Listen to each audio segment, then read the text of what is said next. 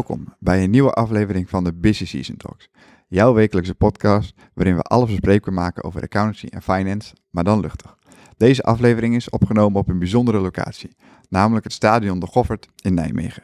In deze aflevering, die we samen met Q Concepts hebben gemaakt, gaan Moetje Kafdar en ik, Leo Veldhuizen, samen met 80 aanwezige luisteraars in gesprek met Wilco van Bas Nijhuis en Thijs van der Schans.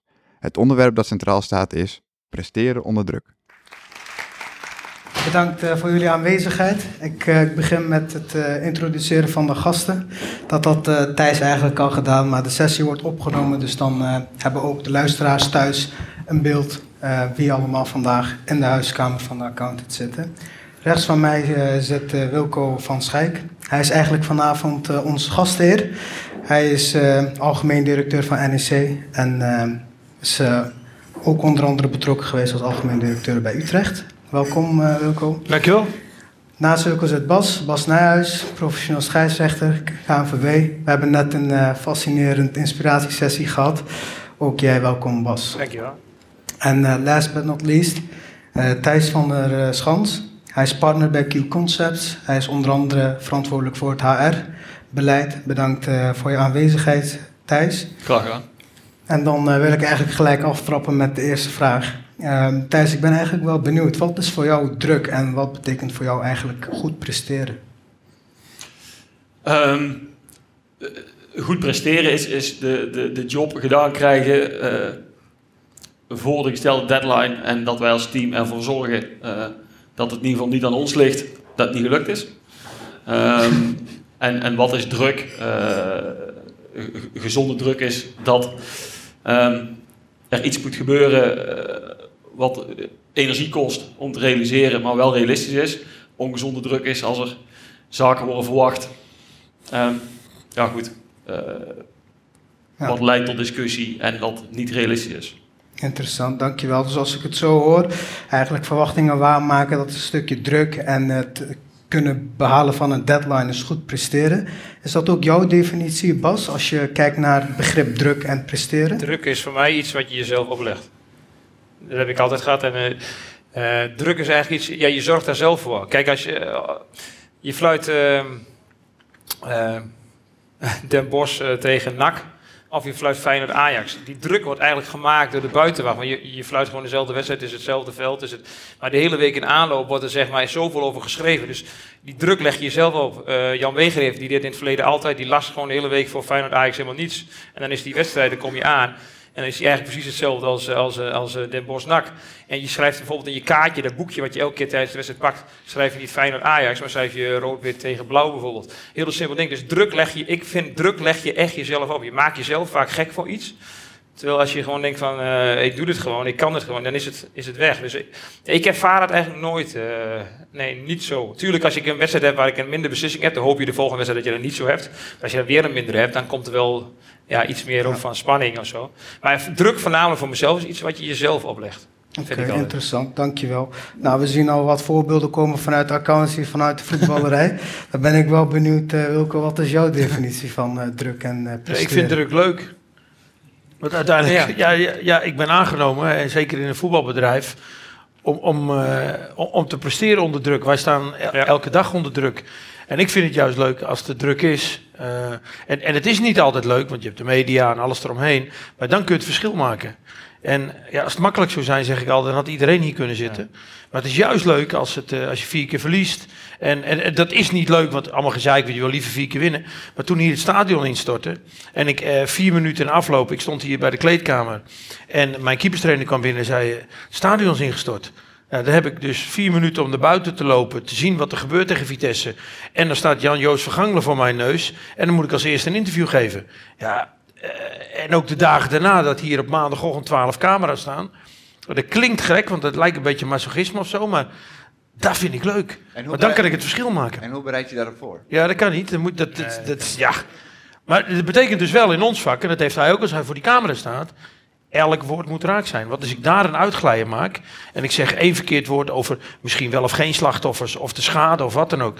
Dus elke keer moet je scherp zijn. Dus toen ik hier in die ruimte daar, s'avonds om half tien stond, met honderd collega's, en, en waar echt mensen aan het huilen waren, wat ze gezien hadden, want er was hier buiten ook nog een, een oorlog bezig, dan rijd ik naar huis en denk, fuck, wat nu? En dan ga ik altijd mensen zoeken die al eerder in mijn situatie zijn geweest. Dus ik belde Robert Eenhoorn op. Want die had namelijk een half jaar daarvoor zijn dak eraf. Ik zei, Robert, wat is er met jou gebeurd? Hij zei, dan moet je die hebben, Royal Haskoning, bam, bam, bam. Dus in mijn, in mijn auto naar huis heb ik dat al in mijn hoofd. Heb ik dat al uitgezet. Thuis was studio voetbal, moest ik ook nog even live in. Ja, dan ga ik wel naar bed en denk oké, nou gaan we morgen, god, dan gaan we volle bak. Ja, daar, daar krijg ik energie van. Ja, dus als ik dit zo hoor, dan is één, één concrete tip die we in ieder geval op kunnen schrijven in ons boekje is... eh, zorg dat je mensen om je heen hebt die dat al een keer eerder hebben gemaakt, zodat je daarvan kan leren. Maar dat is mijn grootste les tegen alle jonge mensen waar ik mee werk. En om me heen ook. Kijk, ik ben ooit in het voetbal gekomen. Ik, ik had een reclamebureau. Ik had tien jaar commentaar gegeven op televisie.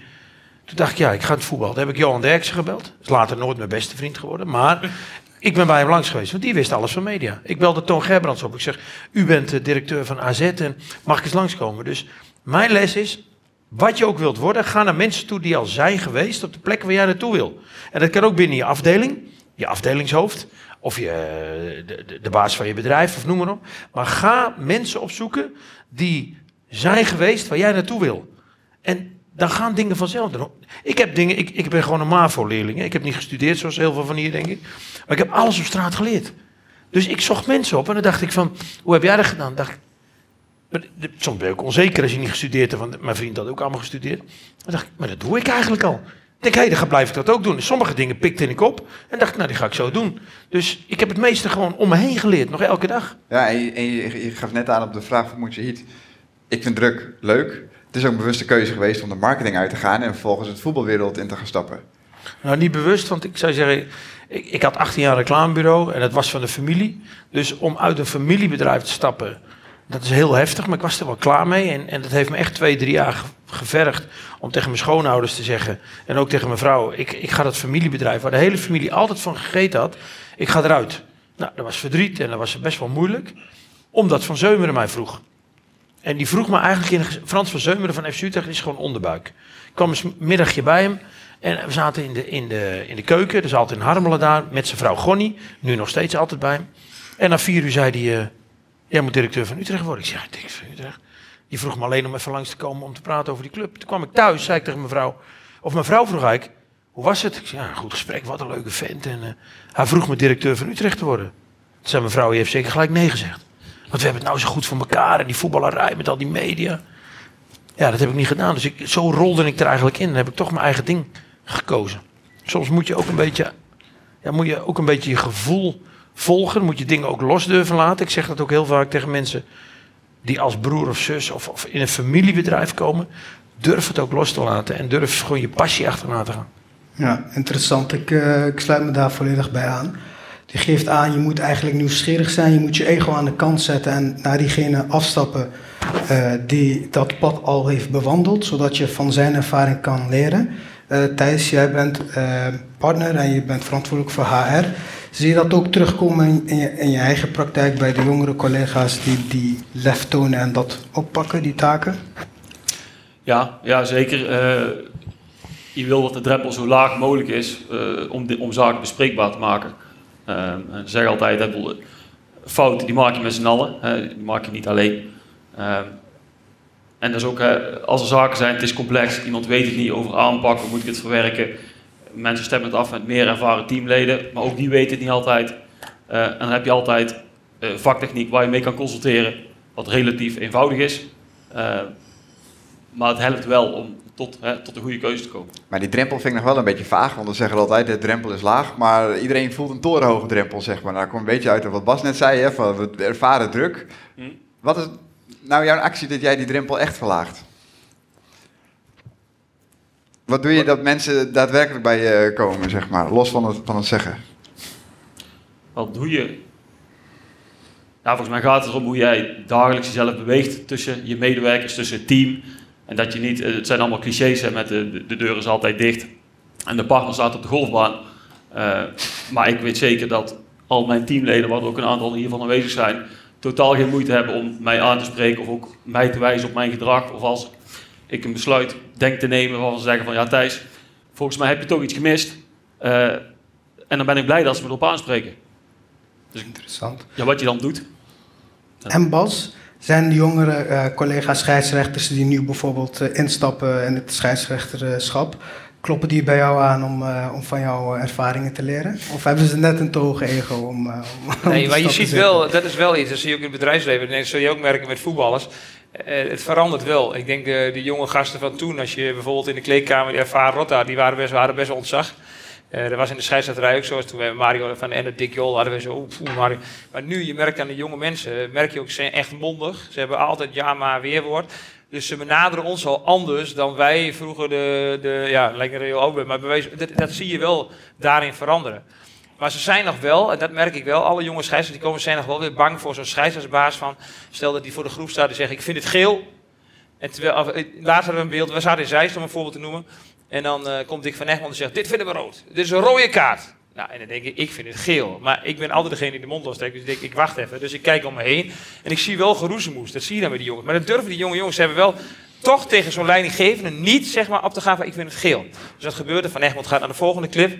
Nou, dan kom ik met die vinger. Nou, dan zie ik het gezicht van Van Egmond al. want Die vindt het niet prettig dat het weer komt. Dus ik zeg, kunnen we nog terug naar de vorige? Ik zeg, ik vind het geel. Ik zeg, en wel daarom, daarom, daarom. Ja, maar Bas, je staat er alleen en niemand zegt wat. Ik zeg, is dat zo? Dus ik draai om. En dan zie je pas, als je je aankijkt, dan zie je toch langzaam die handjes de lucht in gaan. Dus is er is altijd toch, jij je bent best wel benaderbaar, dat is ook wel zo, maar voor heel veel jonge mensen blijft het toch van, ja, hij is toch eh, diegene die, uh, dat blijft altijd zo. En dat zul jij ook meemaken, denk ik. Dus het is best, uh, door zo'n voorbeeld te geven, door wel wat te zeggen, door dat, voornamelijk door de ervaren mensen, gaan anderen daar wel langzaam in mee. Maar het is niet makkelijk voor die jongen. Dat, daar hebben ze toch wel moeite mee. Maar je hebt toch best wel een bepaalde piramide ook in de voetbalwereld. Hè? Dus ik kan Zeker. me best voorstellen dat ze denken, ja, ik hou me wel even stil, dan krijg ik misschien wel die mooie aanstelling. Ja, dat, dat zie je ook, uh, dat, dat, dat ze heel erg die lijn in het begin volgen. Dat weet je ook als je scheidsrechter in de keukenkampioen-divisie hebt. Die jonge jongens, die, ja, die gaan ook wat snel op geel. Maar ik zeg ook van, je hebt een lijn waar je op moet. Dat is de regels. Maar oké, maar je moet een bandbreedte geven waarin mensen zich kunnen ontwikkelen. Mhm. En dan worden ze beter. En niet dat je ze kort houdt van, nee, dit is de lijn. Tenminste... Ja, ik heb altijd tegen mensen, eh, ook, ook uh, ik was nogal een hele erg control freak. Ja. Dat, dat, heb ik wel los leren laten. Maar ik laat toch mijn mening even weten. Dus als ze bij me komen of wat, of ik zie wat, zeg nou, weet je, ja, dat en dat, zus en zo. Ik, ik zou het zo doen. Maar it's up to you. En, door, en dat heb ik geleerd ook van Van Zeumeren. Die, we hadden RVC-vergadering altijd bij Utrecht. En Van Zeumeren is natuurlijk een dwingende man, hè, topbedrijf. En zeiden bam, bam, bam. Maar je moet zelf weten, joh.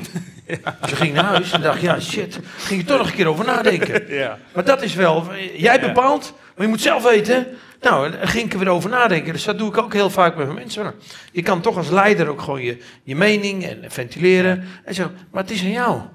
Maar dan moet je ook wel steunen. En als het dan misgaat, ja. ga je zitten. Zo, Oké, okay, wat had je nou anders kunnen doen vanaf het moment dat? Ja, dan ga je weer zitten. En, nou ja, iedereen maakt fouten. Dus uh, op die manier ja, kun je mensen wel in hun kracht laten komen. En dan gaan ze er echt twee keer, drie keer meer over nadenken. Ja, en je zei uh, eerst was ik controlfreak en later minder. Dat...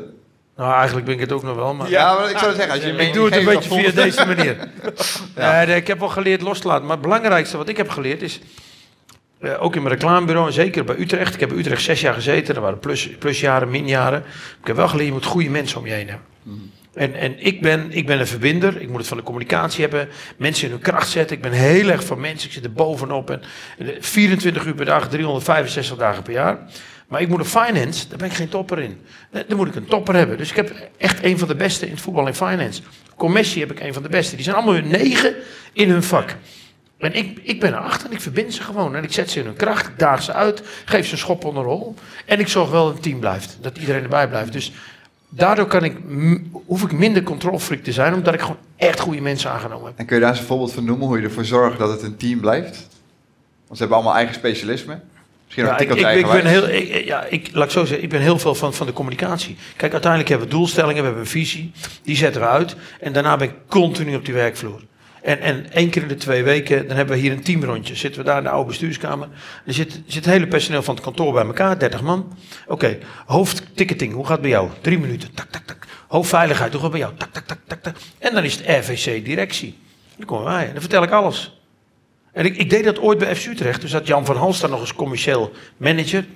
Toen zei Jan, dat je dat doet joh, dat je alles vertelt wat er in de RVC... En dan zei ik ook tegen al die mensen, ik zei, denk erom, jullie hoeven niets uit de krant te lezen. Het is niet zo erg, er zit heel veel druk in een voetbalbedrijf, dat je dan weer op zaterdag leest of op dinsdag nieuwe speler aangetrokken. Weet je niet. Ik vertelde alles. Ik vertelde ook eens we liquiditeitsproblemen hadden, alles. Ik denk erom jongens. Ik vertel het aan jullie, want jullie mogen het nooit uit de krant lezen. Ze me wee gemeente, als er hier één iemand lekt, dan ben je de mijne. En het gebeurt één keer dat de Voetbal International mij belt. Anton Lippold, ik weet niet of je hem nog kent. Nou, echt journalist. Hij zegt, wij, wij hebben jouw cijfers. Hier, alsjeblieft. Ik zeg, nou Anton, ik zeg, je zit aardig goed. Ik zeg, maar je kan een flater slaan, want de helft klopt niet. Ik zeg, maar je zit wel in de goede richting. Geef mij het nummer van die gozer. Dan krijg jij van mij met Van Zeumer een geweldig interview. Ja, zo zijn journalisten, geef je dat nummer van die gozer. Dus ik heb het hele personeel bij elkaar geroepen. Dat is echt gebeurd. Het is maar één keer gebeurd in mijn hele carrière. Ik zeg, hier zijn we, dit is gebeurd, VI, dit. Ik zeg, er is één iemand van jullie geweest. Wil iemand nog zijn vinger opsteken? Nee. Ik zeg, ik heb altijd gezegd, we doen het samen, we delen het. Alles vertel ik, maar dit schaadt de club. Maar dat kan niet, dat heb ik gewoon gezegd. Klaar is klaar. En ook gewoon duidelijk zijn. Het zijn net kinderen. Maar mensen worden bij mij nooit verrast met wat er in de media komt. En daar creëer je een team mee. Ja, heldere communicatie intern, maar ook duidelijke richtlijnen van oké, maar tot zover en niet verder. Ja, ik denk dat het een trainer moet zijn. Dat moet een scheidsrechter zijn. Ja. Uh, helderheid, duidelijkheid, visie, strategie. En dan vooral op een menselijke manier heel dicht bij elkaar. Samen heel veel. Ik ben heel erg van delen. Heel erg open zijn. Ja.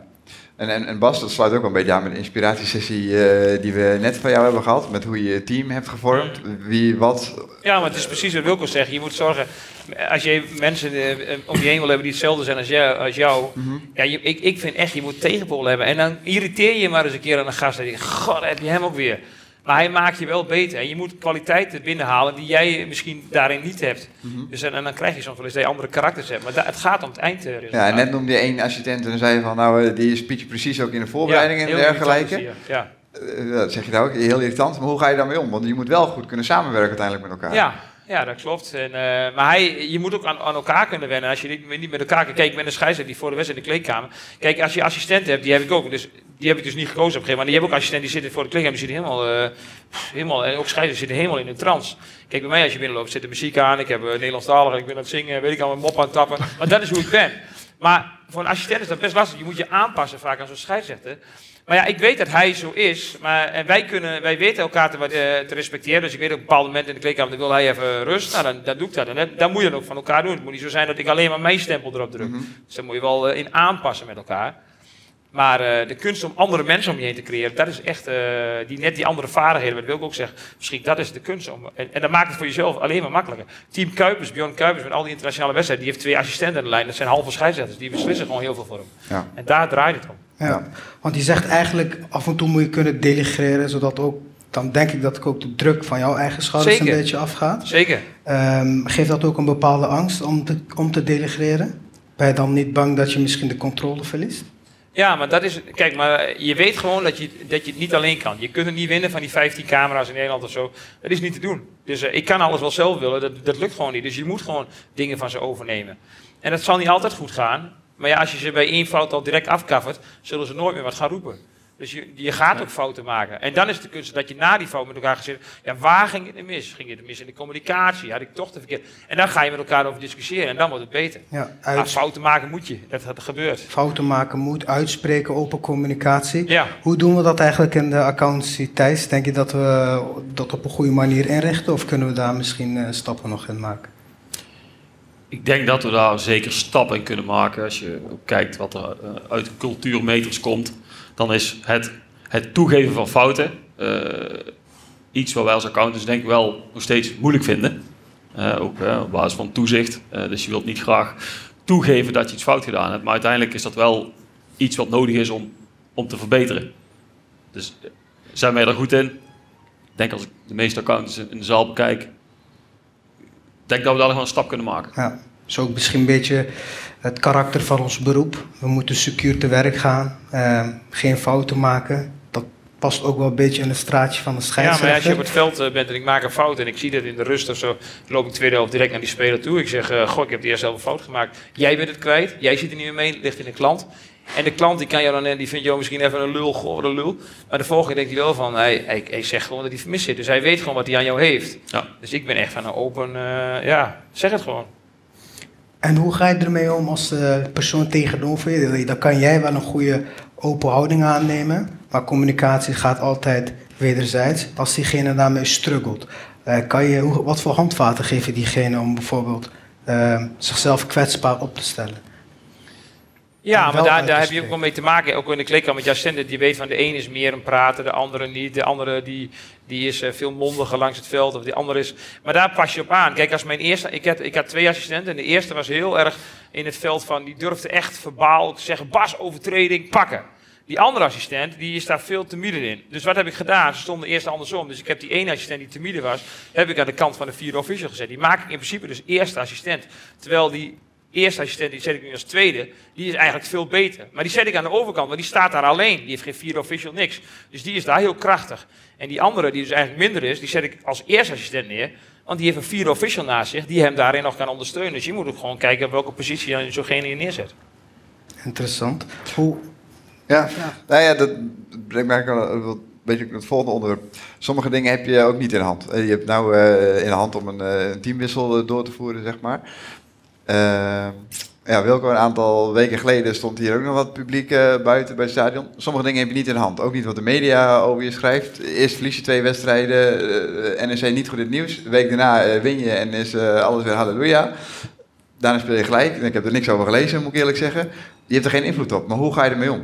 Hoe zorg je ervoor dat die, die 30 mensen waar je het net over had, dat die wel dat team voelen en, en dat ze wel Ja, goede dat, dingen dat, blijven dat is ook je ervaring. Kijk, wij hebben een bedrijf met 80, 90 mensen. Je hebt de 30, 40 op kantoor, je hebt 20 op de academie. En je hebt de 30, 40 in je eerste elftal. Maar eh, ik zeg altijd always be prepared. Dat is is wel een term, maar ik heb van de, van de zomer hier al gezeten. Wij hebben eind van vorig seizoen hebben wij acht mindere wedstrijden gespeeld. Dus met mijn managementteam zei ik ook van let op jongens. Als wij die eerste twee niet goed beginnen, dan staan ze voor de deur. En dat ze nemen uit. die acht mee. Ze nemen die acht mee. Dat is bij Utrecht ook. dat, dat, dat, dat is gewoon ervaring. Dus uiteindelijk zei tegen veiligheid, let op, wat gaan we doen? Be prepared. Dus veiligheid had al heel veel gesprekken gevoerd met onze supporters in de zomervakantie. Op het moment dat het nog goed ging, lekker. Want in de zomer denken we, elke club denkt dat het allemaal eh, kampioen wordt. Dus dan moet je het gebruiken. Dus, dus, en, en we hadden op marketing, we hadden in onze teksten, we merkten al, de Gelderlander werd kritischer. Nou ja, en dan die eerste twee, ik, ik zei het thuis al, ik voel het al aan, dat, dat, dat heb je soms in het voetbal. Nou ja, dan is Heracles uit en je verliest de tweede wedstrijd.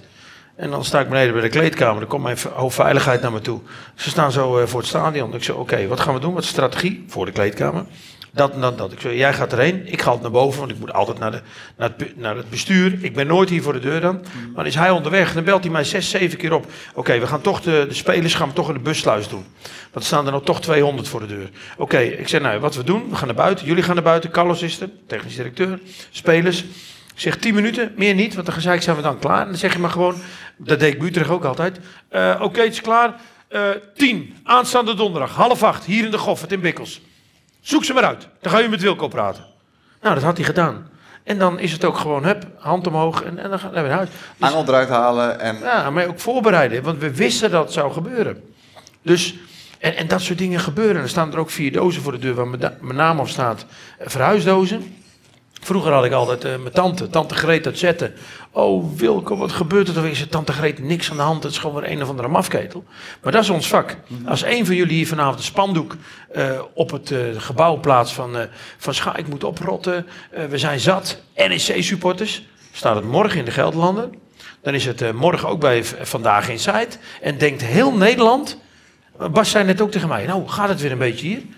Ja, er is niks gebeurd de afgelopen weken. Maar wat doet het dan met je? Ja, niks. Je, Ja, praat er, je, praat er best makkelijk over. ja, maar het doet me ook niks. Want eh, weet je, uiteindelijk moet je leren in ons vak. Dat heeft hij ook. Kijk, Johan Derksen, als die wat... Kijk, dat is zijn grootste fan, hè?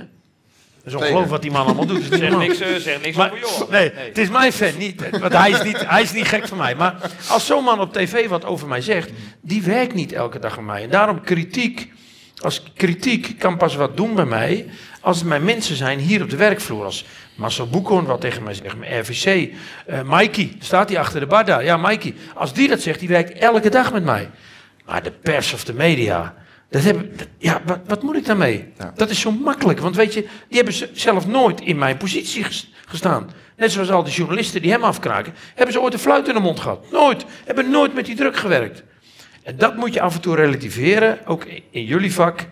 Ja, wie mag er wat zeggen? Ja, dat is degene die met je werken. Ja. Dus dan kun je het heel makkelijk van je af laten glijden. is niet leuk, want als de hele krant vol staat en vier dagen lang gaat over hem of over mij, niemand vindt dat leuk. We willen allemaal aardig gevonden worden. Maar je moet wel relativeren. Ja, ja. Ik Ik zie ook even naar de zaal te kijken. Zijn er op dit moment prangende vragen? Ja, ik zie dat toch. Wel één met een vraag. Yes. Je ziet um, eigenlijk al heel snel terugkomen hier dat conflict um, bij jullie, zeker bij Bas en uh, bij jou ook vaak terugkomt. Ik ben wel benieuwd, Thijs, ook op kantoor, als je natuurlijk veel mensen hebt die uh, hun beste beentje voor willen zetten, spanningen kunnen wel eens hoog oplopen. Hoe ga jij om met conflict op kantoor?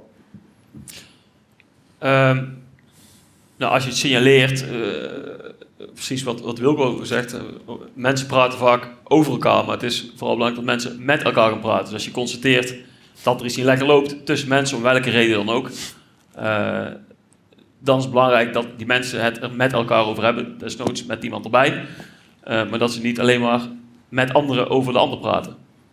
dus wel zo snel mogelijk aan tafel en dus ja, communicatie. Spreek je elkaar daarop aan als je het ziet gebeuren? Ja. Andere vragen? Wij, hebben daar een leuk in, in de RVC. Ik heb hier vaak in de RVC de discussie gehad. En dat ging heel heftig, die staan er wat verder vanaf.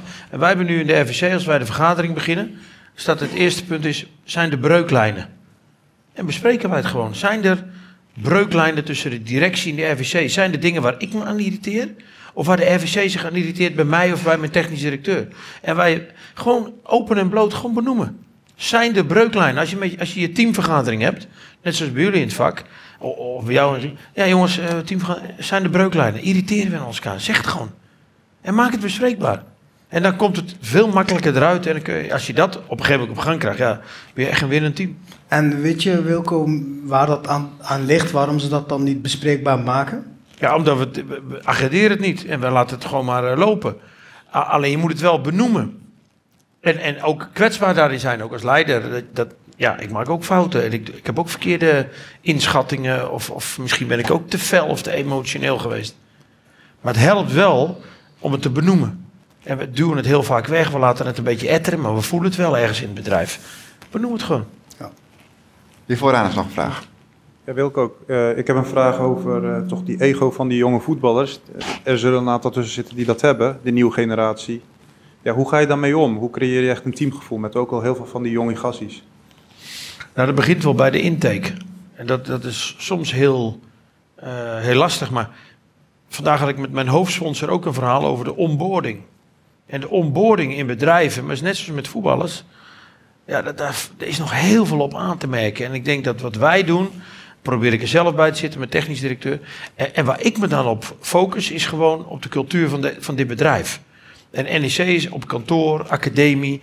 Hier binnen, zeg ik er alle, is gewoon een familie. Doen we het samen. De druk is zo hoog voor die mensen elke week. Ook als jij bij een amateurclub speelt en je werkt bij een voetbalbedrijf, krijg je die ellende. Dus van binnen zijn we familie, dicht bij elkaar. Het veld gaat om de punten. En, en daar horen bepaalde gedragsregels bij. Daar probeer ik me altijd hard voor te maken in dat soort gesprekken. En dan gaat met TD over het voetballen en met trainen gaat over de positie. Maar ik denk dat je dat met elkaar moet benoemen. En, en ik denk in de onboarding ook dat en ik doe het nog steeds niet goed hier, daar kwam ik vandaag weer achter. Als iemand hier ook op kantoor binnenkomt, dan moet hij eigenlijk met mij, zeg maar, als CEO praten over DNA, over cultuur. Maar hij moet ook met iemand praten die hier al 25 jaar werkt, Pim, achter de balie, van ticketing. Wat is die cultuur? Maar hij moet ook praten met supporters, want in mijn bedrijf zijn supporters belangrijk. Je kan wel drie shirts ontwerpen, uit, thuis en een bekershirt, maar er moet geen verkeerde kleur in zitten. Dus, dus de onboarding en dat doen we ook met jonge spelers, ook met een ego. Die is heel belangrijk. En, en het belangrijkste daarin is dat je ook nog weet van een speler waar die heeft gezeten. Dat hij met spelers of trainers waar die heeft gezeten, dat je wat dingen vraagt. En dat ook gewoon communiceert. Wij hebben Sontje Hansen, die bij Ajax omschreven werd als moeilijk. Dat hadden we allemaal in kaart gebracht. Dat hebben we met hem besproken, met zijn moeder besproken. Hij zei, ja, ik ben er echt klaar mee, ik heb er zoveel van geleerd. Nou, die zit elke dag in de gym tot vijf, zes uur hier. Niemand kent hem terug. Maar de onboarding, of het nou een jonge jongen is of iemand op kantoor, is zo belangrijk. En uh, scheidsrechters, is dat ook een familie met elkaar of uh, is dat concurrentie? Familie, ja. Nee, er komt niemand bij elkaar op de verjaardag. nee, maar dat, bij ons heb je ook nog te maken, en dat heb je natuurlijk met een team ook. Wij zijn natuurlijk ook allemaal nog collega's. Kijk, Feyenoord Ajax, we willen allemaal Feyenoord Ajax. Kijk, en als een ander dat weer krijgt, dan, dus daar hebben we ook nog mee te maken. Mm -hmm. Maar wat ik wel merk is, ik, heb, ik ben altijd best wel... Uh, Ja, ik, ben, kijk, ik ging samen met Bjorn Kuipers gingen wij op. Nou, Bjorn Kuipers werd eerder international en die, eh, dat ging niet op cijfers, want ik stond op een gegeven moment hoger dan Bjorn Kuipers. Maar Eulenberg, scheidsrechtbaas, zei van ja, Bjorn heeft een stabielere, is al, heeft een relatie, heeft een bedrijf. is veel stabieler dan jou, jij houdt van een feestje, je doet dat. Dus ik geef Bjorn eerder die internationale. Nou, daar heeft hij keuze gemaakt. Dus met als gevolg, ik zat altijd achter hem aan. Met als gevolg, hij ging ook, en prima. Maar ik kan er altijd, dat ik gewoon weet van ja, ik kan er tegen. Maar we hebben altijd binnen de korps, hebben we met Van en uh, Jol, strijd. Nu met Makli, Guzubuyu, strijd. Er is altijd strijd. En het gebeurt pas uh, als, je, als mensen op een positie komen waar ze allemaal allebei hetzelfde willen. En dan gaat het, dat gaat het gebeuren. En in ons vak, ja, dan ban je dat eigenlijk nooit uit. En dat zo hier hebben, je hebt twee spitsen, één zit op de bank, die andere wil ook spelen. Dus uh, ja, zo werkt het gewoon. Maar dat is ook het wereldje en daar moet ik niet van weglopen. Ja, het is gewoon hard. Kijk, als, als ik een fout maak, heb ik, dan hebben de tien collega's die lachen en uh, één zegt van, oh jammer Bas. Maar dat is het wereldje ook en dan moet je ook... Maar jij hebt eigenlijk met niemand strijd, of wel? Nee, dat is het mooie. Ik heb altijd heel onafhankelijk ja. ik, ik, ik zeg gewoon wat ik denk. En daardoor kan ik met iedereen uh, wel. En dat is wel maar is het daarom ook dat je zegt wat je denkt dat je de, de absolute top, de Björn Kuipers rol niet ja, gehaald nee, hebt? Dat, dat, dat, en dat is, daar ben ik niet tactisch in geweest. Want ik was bij de UEFA. Ik zei, ik wil niet achter het doel staan als vijf official. Terwijl ik naar het EK mee moest met Björn. Naar het EK kon ik staan. Ik zei, nee, ik ga niet met zo'n stokje staan. Nou, dat vinden ze niet leuk. Maar ja, ik deed altijd wel wat ik leuk vond. Wel. En dat is, ja, en dat is... Passie, ja. Ja, ja dat is hè. Ja, en ook gewoon eerlijk zijn. Ja, eerlijk zijn. Heb je daar dan achteraf nou geen spijt van? Nee, nee, ik heb er spijt van, nee omdat je altijd je passie hebt nagestreefd. Nee, ja, en, en eh, er komen andere, andere, andere dingen op je pad die leuk zijn. Dus ik, eh, nee, ik heb echt, echt gespeeld. Nee. Hier was nog een vraag. Ja, misschien even een bruggetje naar het vorige. Bas geeft al aan, joh, ik kan omgaan met strijd en ik flap gewoon eruit wat ik zeggen wil. Wilco, ik hoor jou zeggen, ik vind het gewoon leuk, die chaos. Als je het dan hebt over omgaan met druk. Zien jullie omgaan met druk als meer nature? Joh, hè, dit, kan ik dit kan ik gewoon. Of nurture, dit moet ik leren. Nou, A, denk ik uh, dat je jezelf goed moet kennen. Dus ik denk dat ik, dat ik ermee om kan gaan. Maar nog steeds leer ik. En nog steeds ben ik ook beïnvloedbaar van mensen die mij dus leren hoe ik met bepaalde situaties om moet gaan. Ik, ik heb hier uh, drie weken geleden, de Gelderlander was hier heel kritisch. Ik vond echt tendentieus. En ging ook mijn mensen beschadigen. Dus toen zat ik op zondagochtend bij ESPN. En toen noemde ik de journalist hier, Jeroentje Bijma. Dan was Jeroentje paniek. Live op televisie. Ja, dat was natuurlijk gelijk een bom ontploft.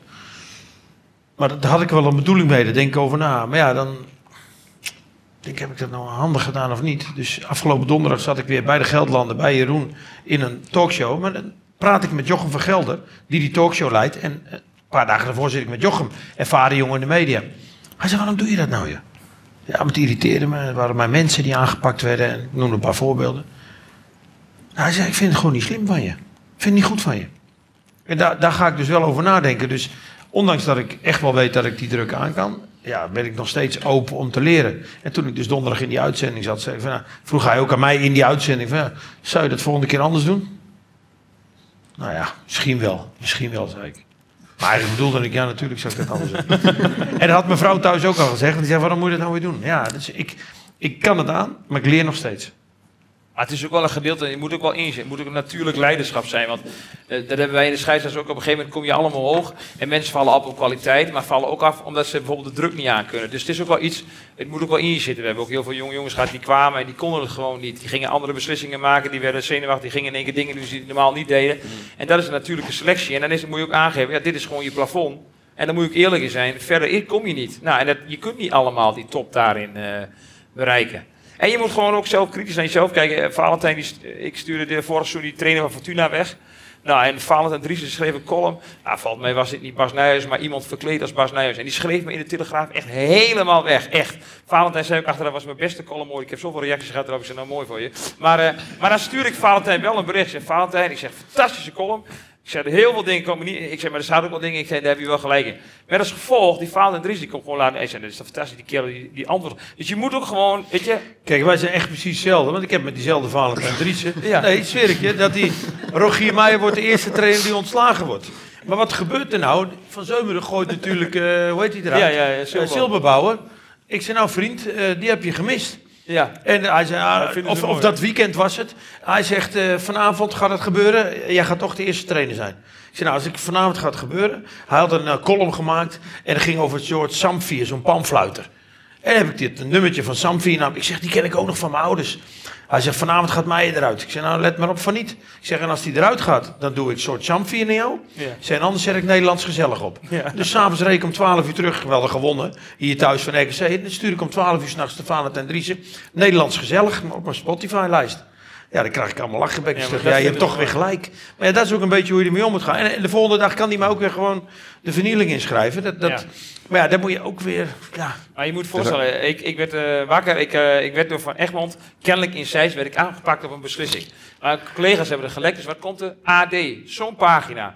Nijhuis eh, tikt, of, eh, Van Egmond tikt Nijhuis op de vingers. Heel groot na een beslissing. Het was echt een pagina, hè? Dus wat doe ik? Ik bel iemand van eh, RTL die ik ken, die daar op de redactie werkt. Ik zeg, moet je, ik heb wel even een reactie gegeven. Wat dan? Ik zeg, ik werd vanmorgen wakker. Ik heb helemaal geen blauwe vingers van me. Ben ik helemaal niet op de vingers getikt. Hij maakte een artikel van. En dat artikel werd nog groter dan een ander artikel. Waarin het gewoon zegt, oh, Nijhuis voelt, heeft, heeft totaal niet op de vingers getikt. Dus je kunt ook zelf het initiatief nemen. En gewoon ludiek met iets terugkomen. En dat, dat werkt. Dat werkt. En zo ben maar het mooie is, kijk, je zit... Kan dit in jouw vak ook? Ja, maar dat is het verhaal. Ja. Ja. Kan jij de Ja, je bent- accountant bellen? Jullie eh, Ja. vakblad of... eh, Bis, Nee, ik weet niet. Talks. Ja. Ja. Als je dit hoort, hè, in ons vak, het is natuurlijk een bizar vak Ja. waar wij zitten. Het is alleen te vergelijken, zeg ik altijd, met de politiek. Maar, maar als je ons Ja. hoort, denk je dan, die twee zijn krankzinnig. Of, of wat, kun, wat haal je eruit wat bij Wil jullie je al kan? weg, als je weg wil lopen, wil je al weglopen. Maar ook, hè. Nee, niet bang zijn. maar Ja. Nee, nee, eh, ik wil zeker niet weglopen. Ehm, nou, ons vak, eh, wat heel belangrijk is, is een stukje geheimhouding en, en vertrouwelijkheid. Dus er gebeurt best vaak best heel veel eh, aan tafel en in bespreking met de accountant en directie en aandeelhouders en RVC. Eh, maar dat gaat uiteindelijk nooit ergens naartoe. En dat is enerzijds ook wel jammer, want je, je maakt best een hoop dingen mee. En je hebt af en toe hele stevige discussies. Alleen daar lees je niks over. Je leest het eigenlijk alleen als het fout gaat. En dat is. Maar ik heb een keer iemand in een Business Talks horen zeggen van ja, als het goed gaat, dan moet je ook niet piepen, want eh een heer van Kempen was dat. Je doet gewoon je werk, punt. Ja, ja. Dus hoezo moet je dan de vlag gaan uithangen? Nee, maar je hoeft niet de vlag uit te hangen als je het goed doet. Alleen, je komt alleen in het nieuws als het niet goed gaat. En dan moet je nadenken, ja, ho- hoe ga je dan reageren? En accountants pakken dan niet heel snel het podium om daar even de krant over op te bellen om daar iets over te vinden. Ja, ik zie daar de microfoon nog heen gaan. Ja, ik wilde toch een vraagje stellen aan eh, Bas en Wilco. Ja, jullie hebben waarschijnlijk ook met accountants gewerkt eh, en werken nog steeds. Jullie hebben waarschijnlijk een accountant. Ja, laten we ze even allemaal over één kam scheren. Ja, eh, wat kunnen ze toch wel beter doen? Iets makkelijker zijn als ik wat Ja. zeg. ja. En me iets meer geloven dat ik mijn omzetten ga halen en mijn Ja. transfers. Ik, ik vind het, accounts hebben echt eh, een lastig vak. Als ik hoor ook, wij, wij werken dus met Q-concepts, maar we hebben natuurlijk ook heel veel accountants nog bij ons als, als relatie. Hoe vaak jullie gecontroleerd worden en dat je weer dat hele dossier door moet. Maar waar ik altijd naar kijk is van hoe kan ik nou met mijn relaties echt die, met mijn klanten echt relaties opbouwen en toegevoegde waarde. Want weet je, die jaarcijfers maken, dat is één keer. Vandaag, met hoeveel zaten jullie hier weer? Zes, acht? Nou, vijf. Ja, zie je van mijn gevoel op die rekening kijken al. Dan denk ik dat erachter. Ja. ja. Ja. Maar het werk is er ook nou. Ik ben super tevreden, echt waar. Ehm, maar ik ben er altijd denken, oké, hoe kun Kijk, dit zijn wel de momenten natuurlijk. Hè, dat zij hier zitten, dan heb je het contact met de klant. Maar dan gaat het over de business. En ik probeer altijd te denken van, hoe kan een accountant nou... Als, als straks weer weggaan, de jaarrekening is klaar... dan duurt het weer maanden. Dat moment moet je het verschil maken. Hoe kun je dan nog bij NEC, bij mij het verschil maken? Met een appje, met een LinkedIn bericht, met een... Met even, hey Wilco, heb je dit gezien? Wij hebben dit bij Roda gedaan. Heb je, heb je dat? En dat mis ik vaak. En, en bij jullie in het vak is het allemaal, ja, dat mogen we niet doen. En, ja, fuck it. Ja. Nee, maar met alles. Nee, maar waarom als ik bij Roda iets moois gedaan heb of bij de graafschap? Van hé hey Wilco, Ronnie, mijn CFO. We, we zijn toch wel een beetje trots, Q-concepts, dat we dit gedaan hebben. Moest kijken, we hebben dat gedaan. En dat mis ik in het vak. En dat juist op de momenten dat je niet met de handel bezig bent, dus dat die vijf mensen hier zitten. Dat moment, dat hebben we. Daar wordt de handel gemaakt, komt de factuur voor. Maar juist op die momenten daartussen, als je niet met je handel bezem bent, dan moet je laten voelen dat je er bent. En ook niet maanden wachten, maar gewoon periodiek. Ja, eh, natuurlijk, continu als het kan. Ik, ben, ik zeg altijd tegen mijn accountmanager, mijn commerciële... 24-7, 365 dagen per jaar zijn wij bezig met onze klanten. Is er een trouwerij? Gaat er iemand naar school? Een nieuw huis? Wordt er een vrouw aan de rug geopereerd? Oh jongen, alles schrijf ik op. In mijn agenda, bam. En dan, mijn zakelijke team zegt ook dan... Hey, weet je, eh, die en die gaat zaterdag trouwen? Maar dan krijgt die klant van ons, die krijgt. Die denkt, wat een leuk bedrijf dat NEC. En als je dan een keer in de moeilijkheid komt, of, of er is even een discussie, zeg je ja, zo leuk. Maar die Bas is tien keer per jaar voor me klaar. Hij heeft een keer een shirtje en toen ik trouwde. en juist op de momenten dat het niet om de handel gaat. Want dit wat die gasten met z'n vijven doen, ze doen echt topwerk. Maar dat kan iedereen. Elke accountant kan dat. Maar juist op het moment daaromheen ga je aan die relatie bouwen. En dat is in jullie vak zo moeilijk. Jullie zijn altijd zo bescheiden en zo. Ja, dat kan in ons vak niet. En nogmaals, fuck it man, het gaat om mensen. Ah, er zijn wel wat hulpmiddelen voor. Je kan Google Alerts ook instellen, zeg maar. Dan krijg je het gewoon in je mailbox. Of je alleen maar een berichtje te sturen. Ja, dat is met AI ook nou zo. Ja. Hebben wij een speler hier, hebben ze vorige week die speler alles in laten praten. Dan zegt ze, ja, dan krijgt elke, elke supporter krijgt een, eh, een berichtje. Ja, ik zeg, maar dat is toch niet leuk meer binnen twee jaar? Want dan, dan krijgen jullie een berichtje van mij. Gefeliciteerd met je verjaardag van Wilco. En dan denk ik van, ja, dat is gewoon AI. Net zoals met oudjaarsavond. Het moet ook, het moet ook authentiek Nee, ik heb jou nog nooit... Nee, die hebben we nog nooit een verjaardag. Nee, maar oudjaarsavond krijg je van iedereen een berichtje. Beste wensen. Maar dan stuurt iedereen naar zijn hele appbox. En dan staat er ook nog bij doorgestuurd. Ja, nou ja. ja. ja. ja. Nou, die krijgen dus van mij Ja. niks terug. Dat is niet echt. Nee. Het moet echt zijn. Nee, is En, en, en Bas Die heb ik het voor jou ook nog nooit gehad trouwens. Nee, nee, nee. Ja, Bas, maar ja. het is wel zo, wij zijn in de voetballerij misschien wel soms te. Wij nemen daarin wat meer som- of risico, maar wij zijn wel iets met iets meer bravoer. En dat is Durf, denk ja. ik bij jullie, is dat, ja, is dat bij jullie denk ik niet. Weet wel. Ik, ja, ook met de bakkerij, ik nam best wel risico. En ook met eh, oliebollen. Ja, je gaat niet alle oliebollen eind van het jaar opgeven. Dat is ook doodzonde, je wil ook op vakantie. Dus weet je, dan, maar, ja, maar dan, maar dan heb je van die, die alles wordt gecontroleerd. Hoeveel zakken meel ik zeg, man, maak je niet druk man. Maar dat is heel erg van, ja hoor, het moet allemaal wel. Maar als de controle komt, maar eh, ja... Denk, hoe vaak komt zo'n controle aan? Doe gewoon.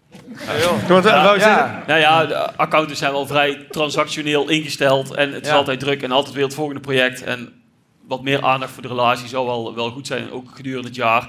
Waarbij ik wel moet zeggen eh, dat ik wel zie, eh, heel veel teamleden signaleren als er dingen binnen een bedrijf gebeuren, eh, als er eh, eh, iemand van de administratie bevalt, als er een overdracht is van de tweede naar de derde generatie. En hè, de derde generatie komt het bedrijf in. En dan trekken ze ook aan de bel van, hey, moeten we even iets doen? Zullen we een eh, chocoladepakketje opsturen? Zullen we iets organiseren? Eh, misschien een tip voor het team bij NEC om daar dan een beetje meer gevoel bij te krijgen. Eh, Ja, hebben die zo goed. Maar als je een jaarrekening afsluit of, of een, en, en het is klaar, doe iets, stuur een vakantiekaartje. Veel. Eh, dit jaar was het alweer moeilijk met, met, met dat onderwerp en met die transfers en met die Russische spelen. Maar verdorie Wilco, top dat we het weer gered hebben. Simpel. Stuur een aanzichtkaart op. Krijg je nooit meer. Dat doe ik altijd met vakantie. Dan doe ik tien, tien klanten. En als ik in Italië zit... Nee, heb je ook niet. Nee. Nee, ik doe het meestal met goede Oh, relaties. goede ja. ja. Nee. Maar ik zit, ik, zit- ik, Goede relaties. ik, zit- ik zit ook even na te denken, ik hoor ook iets over voorbereidingen en dergelijke.